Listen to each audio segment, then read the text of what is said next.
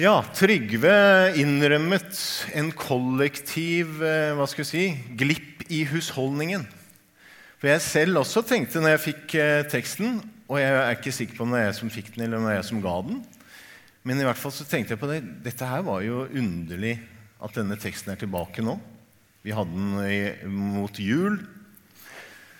Men likevel, jeg har eh, grunnet på den og forberedt meg til å tale over den teksten. Så i, i går kveld, var det vel, når jeg satt og leste gjennom den en gang til, så gikk det opp for meg at kyndelsmesse det var jo andre i andre. Altså I går når jeg sto og talte på MUF, da var det kyndelsmesse. Og da var, et, da var rådyr gode, holdt jeg på å si. Men jeg fant ut det at i annonsen så står det også den teksten. Så derfor dere som har forberedt dere ut fra annonsen, kommer forberedt. Dere som er, har forberedt dere ut fra søndagens tekst, vil få åpenbart noe helt annet i dag. Vi skal altså lese sammen eh, fra Lukasevangeliet, det andre kapitlet. Vi reiser oss når vi leser teksten. Fra vers 22 til vers 40. Da renselsestiden som Moseloven påla dem, var forbi, tok de ham med opp til Jerusalem for å bære ham frem for Herren. For det står skrevet i Herrens lov alt førstefødt av hannkjønn skal være viet Herren. De skulle også bringe det offer som Herrens lov påbyr, et par turtelduer eller to duunger. I Jerusalem bodde det en mann som het Simeon. Han var rettskaffen og gudfryktig og ventet på Israels trøst. Den hellige ånd var over ham, og ånden hadde latt ham få vite at han skulle ikke skulle se døden før han hadde sett Herrens salvede. Nå kom han til tempelet, ledet av ånden. Og da, han, da, Jesu foreldre kom med barnet for å gjøre med ham som skikken var etter loven, tok Simon barnet opp i armene sine. Han lovpriste Gud og sa, Herre, nå lar du din tjener fare herfra i fred, slik som du har lovet. For mine øyne har sett din frelse, som du har beredt for alle folks åsyn. Et lys til åpenbaring for hedninger og ditt folk Israel til ære. Hans far og mor undret seg over det som ble sagt om ham, og Simeon velsignet dem og sa til hans mor Maria.: Se, han er satt til fall og eh, oppreisning for mange i Israel, og til et tegn som blir motsagt. Ja, også gjennom din egen sjel skal det gå et sverd. Slik skal de tanker mange bærer i hjertet, komme for dagen. Det var en kvinne der som var profet, Anna, Fanuels datter, av Aschers stamme. Hun var høyt oppe i årene. Som ung hadde hun vært gift i sju år og hadde siden levd som enke til hun nå var 84 år. Hun forlot aldri tempelet, men tjente Gud i faste og bønn natt og dag. I samme stund kom også hun fram og lovpriste Gud, og hun fortalte om barnet til alle som ventet på frihet for Jerusalem. Da de hadde gjort alt som Herrens lov påbyr, vendte de tilbake til Galilea til sin hjemby Nasaret, og gutten vokste og ble sterk, fylt av visdom, og Guds nåde var over ham. Herre, åpenbar ditt ord for oss, så vi kan få se deg. Amen. Vær så god, sitt. Dette er Jesu første møte med tempelet. Det er første gang han er i tempelet etter at renselsen er over, står det, så kommer Jesus til tempelet båret av sine foreldre.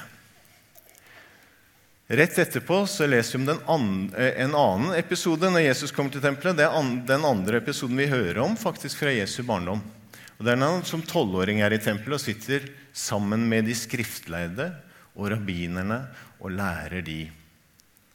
Hvor de blir satt ut av hans kunnskap og innsikt så hører vi ikke noe særlig om Jesus og barndommen.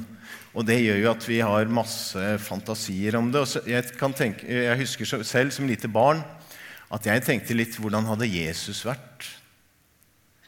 Ikke på noen from måte. Men det står det at Jesus var uten synd og uten feil. Ikke sant? Og så tenker jeg på meg selv som tenåring og som barn, og jeg har mine foreldre her som vitner, så er det en voldsom ting å være uten feil og uten synd. Fokuset er ikke på Jesu barndom, men fokuset er på Jesus som kommer som verdens frelser. At han var feilfri som barn, barn er en del av det, men det viktige Bibelen har satt fokus på, er Jesus som vår frelser. Og Jeg har mange ganger tenkt på som barn at han må ha vært en forferdelig irriterende kompis å ha. Alle har vi en eller annen kamerat som er hakket bedre enn oss selv, og som alltid har et behov for å fortelle til våre foreldre hvor vi gikk galt. Jeg tror ikke Jesus har vært en sladrehank, men jeg tror han har vært irriterende å stå i kontrast til. i hvert fall. Men dette er ikke viktig. Det viktige som er i teksten, er møtet med Jesus og Simeon som får møte Jesus som har blitt lovet at han, aldri, han skal ikke dø før han får møte frelsen, før han får se frelsen, som han har hørt om i profetiene, og som han er så godt kjent med. Så ser vi når Simeons lovsang da, i vers 32 Simeon var en rettskaffen, rettferdig i Guds øyne. Og det er på grunn av at han har fastet sin lit fram til Jesus som kommer. I det har han hatt sin frelse. Det ser vi om i 1. Mosebok 15,6. Abraham trodde Herren. Derfor ble han regnet som rettferdig. På samme måte med Simeon. Simons lovsang, et lys til åpenbaring for hedningene og ditt folk Israel til ære. Det er det Simeon opplever. Det er det Simeon møter. Og det er derfor dere og jeg er her i misjonssalen og jobber under mottoet vårt 'Verden for Kristus'. Fordi Jesus kom, så ble det mulig for oss å få et møte, et levende møte med Jesus. Fordi at Guds frelsesplan ble satt i verk på den måten som han gjorde det. Med å sende et barn og med at Gud levde som menneske blant oss, men uten synd. Så jeg har vært så heldig at jeg har fått leve i ja, Jeg har vokst opp i Afrika. Eh, som voksen jeg, har jeg fått reist ut til Afrika som misjonær og fått se med egne øyne hvordan møtet mellom frykten og Jesus setter mennesket fri. Jeg vil ta dere med til en episode i Mrito. Det er Maraelven, som dere er bedre kjent med som der hvor gnuene hopper over. Dere har sikkert sett naturprogrammer fra Serengeti og Masai Mara. Den elven som gnuene må krysse. Den rant forbi kirken i Mrito. Og vi drev på med dugnad oppe i kirken. Dette var en ny landsby. ny, Vi hadde nylig begynt arbeid der. Og det var mange som var kommet til tro, og mange som har kommet til eh, kirken. De var ivrige, og dette var veldig uvanlig for meg. egentlig, for det, Veldig ofte blir det til at man sitter og har møter under trær og begynner å mobilisere og snakke om at nå må dere se å få bygd en kirke, eller dere må komme dere videre. Men der var de på med en gang, med dugnad. God, gammeldags norsk dugnad. En gammel dame som het Samoya, hun var omtrent 80 år, de er ikke helt sikre, men rundt 80 år. Hun hadde ikke noe særlig krefter til å bære stein eller være med på dugnaden, men hun kom med eselet sitt. Og så sa hun, 'Dette eselet kan bære for dere.' Så sitter jeg her under treet og ser på. Så da var vi gjerne et lag på en 20-30 kvinner og, og, menn som jobbet med kirken. Og så mens vi sto der og hadde det kjekt og bygde kirke, så hører vi Yoi. Og det er Korea-stammen. De roper spes et spesielt rop som bærer veldig langt. Og så roper de når et eller annet skjer. Det er som en slags radio. Lokalradio. Og denne ljåen var fordi at noen var død. Og så forklarte de andre Jeg forstår ikke koreaspråket, men de forklarte at det er en som har druknet nede ved elven. Og da legger vi ned alt, og så går vi dit. Og når jeg kommer ned dit, så ligger det en mann på elvebredden i ti centimeter med vann. Og han har druknet. Det er langgrunt. Og jeg forstår ikke Broren hans står der helt fortvilet, og alle disse her folkene rundt. Det er masse snakking. Så spør hun hva er det som har skjedd her. Har han druknet her i ti centimeter vann? Var han alene? Nei, broren var her også. Ja, men hva er det som har skjedd? Hvordan kunne det gå? Han fikk kifafa. Altså Han fikk en krampe. Han har nok antagelig hatt epilepsi. Og så har han fått epileptisk anfall, og så har han ligget der i krampene med ansiktet ned i vann og svelget vann og dødd, druknet, mens broren står der. Så spurte jeg skulle kanskje ikke gjort det, men spurte broren hvorfor, hvorfor dro du han ikke ut. Nei, jeg kunne jo ikke det. Da ville det ha gått, åndene ville gått over på meg.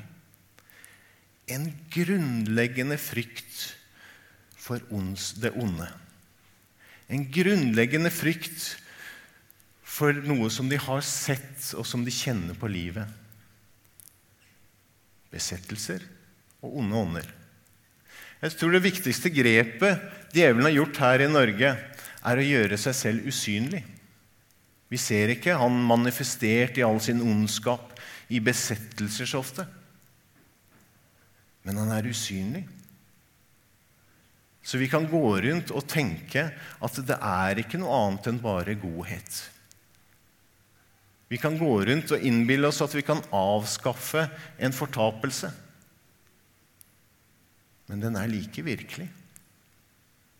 Den frykten som var så sterk at han ikke engang drar sin bror ut av ti centimeter med vann. Det er den frykten som Jesus setter mennesket fri fra. Og det så vi. Broren hans ble kristen. Broren hans er ivrig i forsamlingen nå. Og broren hans skulle ønske at han hadde fått hørt det litt før. Så kunne han trygt dra broren sin ut av vannet. Dette er dere med på å spre. Evangeliet om Jesus. Evangeliet som fører mennesker fra mørke til lys. Fra frykt til frihet. Det er ikke noe mindre enn det som vi er med på. Dere er med på, og vi er med på, at Jesus skal å fremskynde Jesu gjenkomst. I Johannes' åpenbaring på slutten så står det 'Kom, Herre Jesus, kom'. Og det vil vi. At Jesus skal komme. Vi vet at vi er satt fri. Vi vet at vi har en himmelbillett i Jesus Kristus. Men vi kan ikke gjøre misjonen til et alibi for at vi selv kan bare sitte her og vippse og sende penger, og så lever vi helt som om ingenting skjedde ellers. Vi er forvaltere av evangeliet der hvor vi er satt. Vi er i tjeneste der hvor vi har vår plass, enten det er studier, eller det er jobb, eller det er pensjonsalder. I Matteus 24, 14 så står det Og dette evangeliet om riket skal forkynnes i hele verden til vitnesbyrd for alle folkeslag, og så skal enden komme. Ikke før alle folkeslag er nådd. Derfor så ivrer vi etter å nå videre ut, nå lengre ut til mennesker som ennå ikke har fått høre, for at de skal få et valg. For at de skal få kjennskap til Jesus, og at de skal få muligheten til å kunne velge Jesus. Derfor så beveger vi oss mer og mer inn i lukkede land, fordi at det er der markene ennå ikke er pløyd, og det er der det ennå ikke er sådd. For at enden skal komme så er det Guds oppgave å se, eller han vet når det har skjedd, og da skal enden komme. Det er det vi holder på med. i verden for Kristus. For vi vil at hele verden skal få del i friheten i Kristus og møte med Jesus. Herre, nå lar du din tjener fare herfra i fred, slik som du har lovet. Vi leste dette før jul, og da utbryter Valentin, vår yngste. Hæ? Var det alt?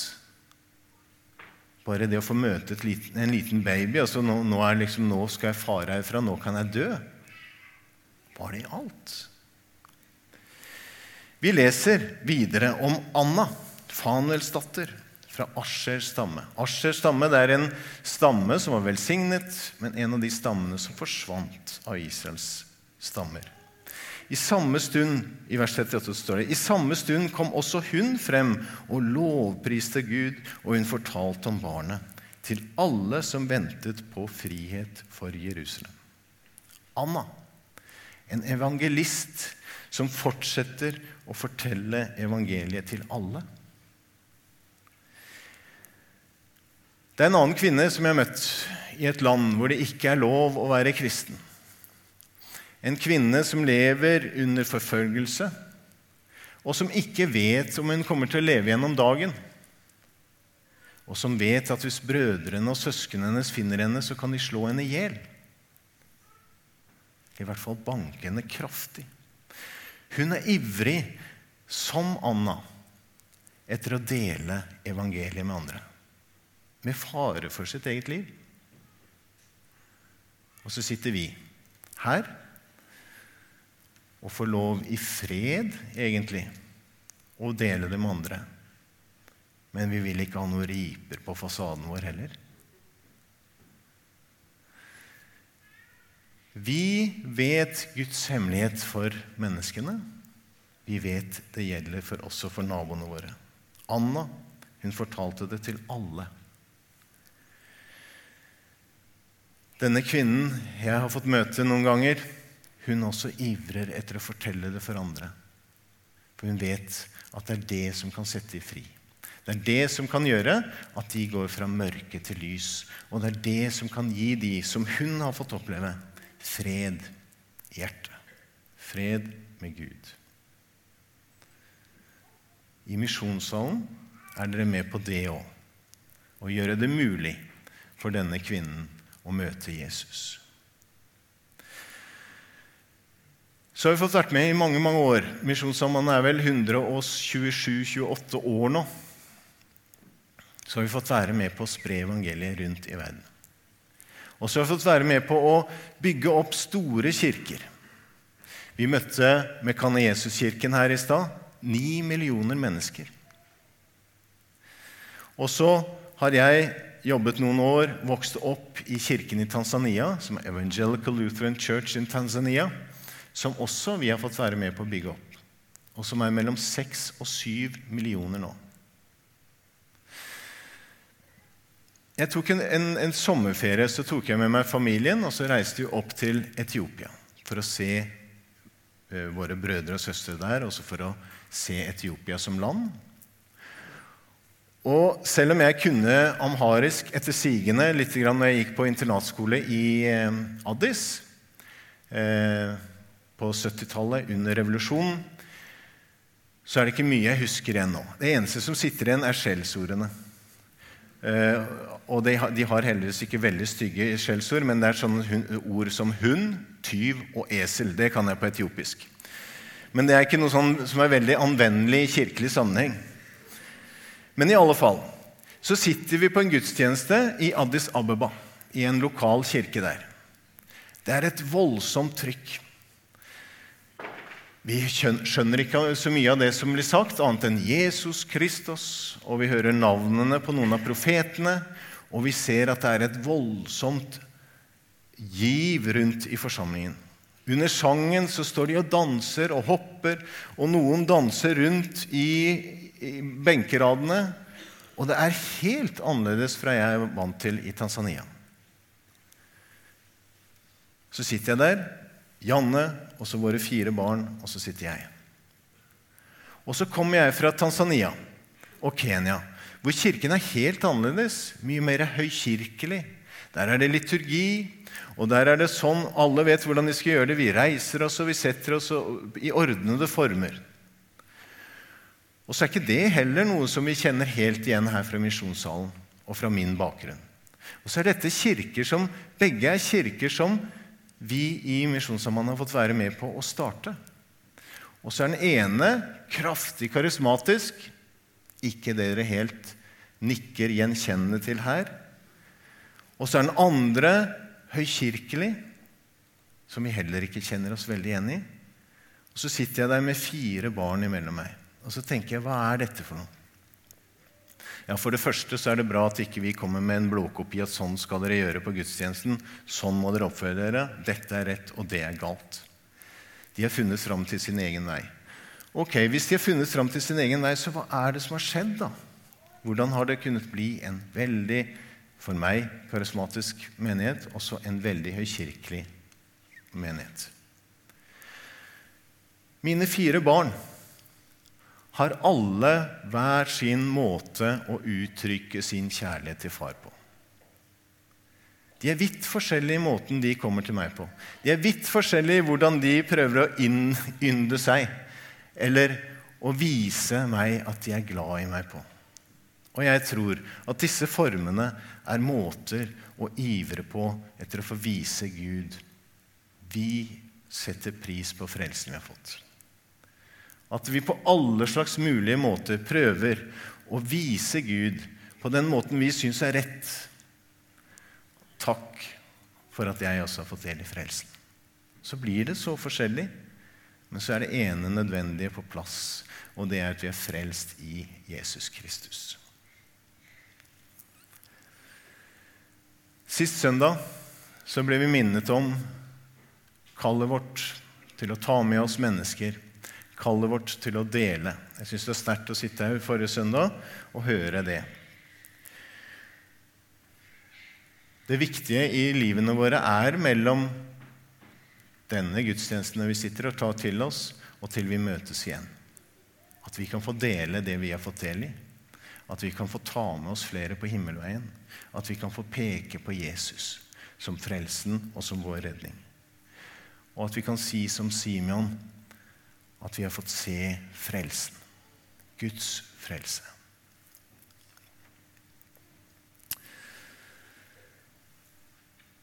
Jeg har fått reist rundt i mange, mange land og fått møtt mange kristne brødre og søstre. Og jeg har fått se Jesus skinne i ansiktene på mange. Det skinner på forskjellige måter, men det er den samme Jesus som skinner. Jesus i den etiopiske karismatiske kirken eller Jesus i den tanzanianske høykirkelige kirken. Det er Jesus og frelsen gjennom han som skinner gjennom ansiktene til mennesker. Det er det vi får være med på, og det er dette møtet som Simeon også lovpriser Gud for. Og det er dette som Anna, Fanuels datter, ivrer etter å dele med alle. Jesus har kommet, og Jesus er her for alle. Kjære Herre Jesus, takker deg for at du har kommet. Hjelp oss til å se menneskene rundt oss sånn som du ser dem. Og hjelp oss også, Jesus, til å dele med andre det vi har fått gjennom deg. Velsign oss, Jesus, så vi kan bli til velsignelse for andre. Amen.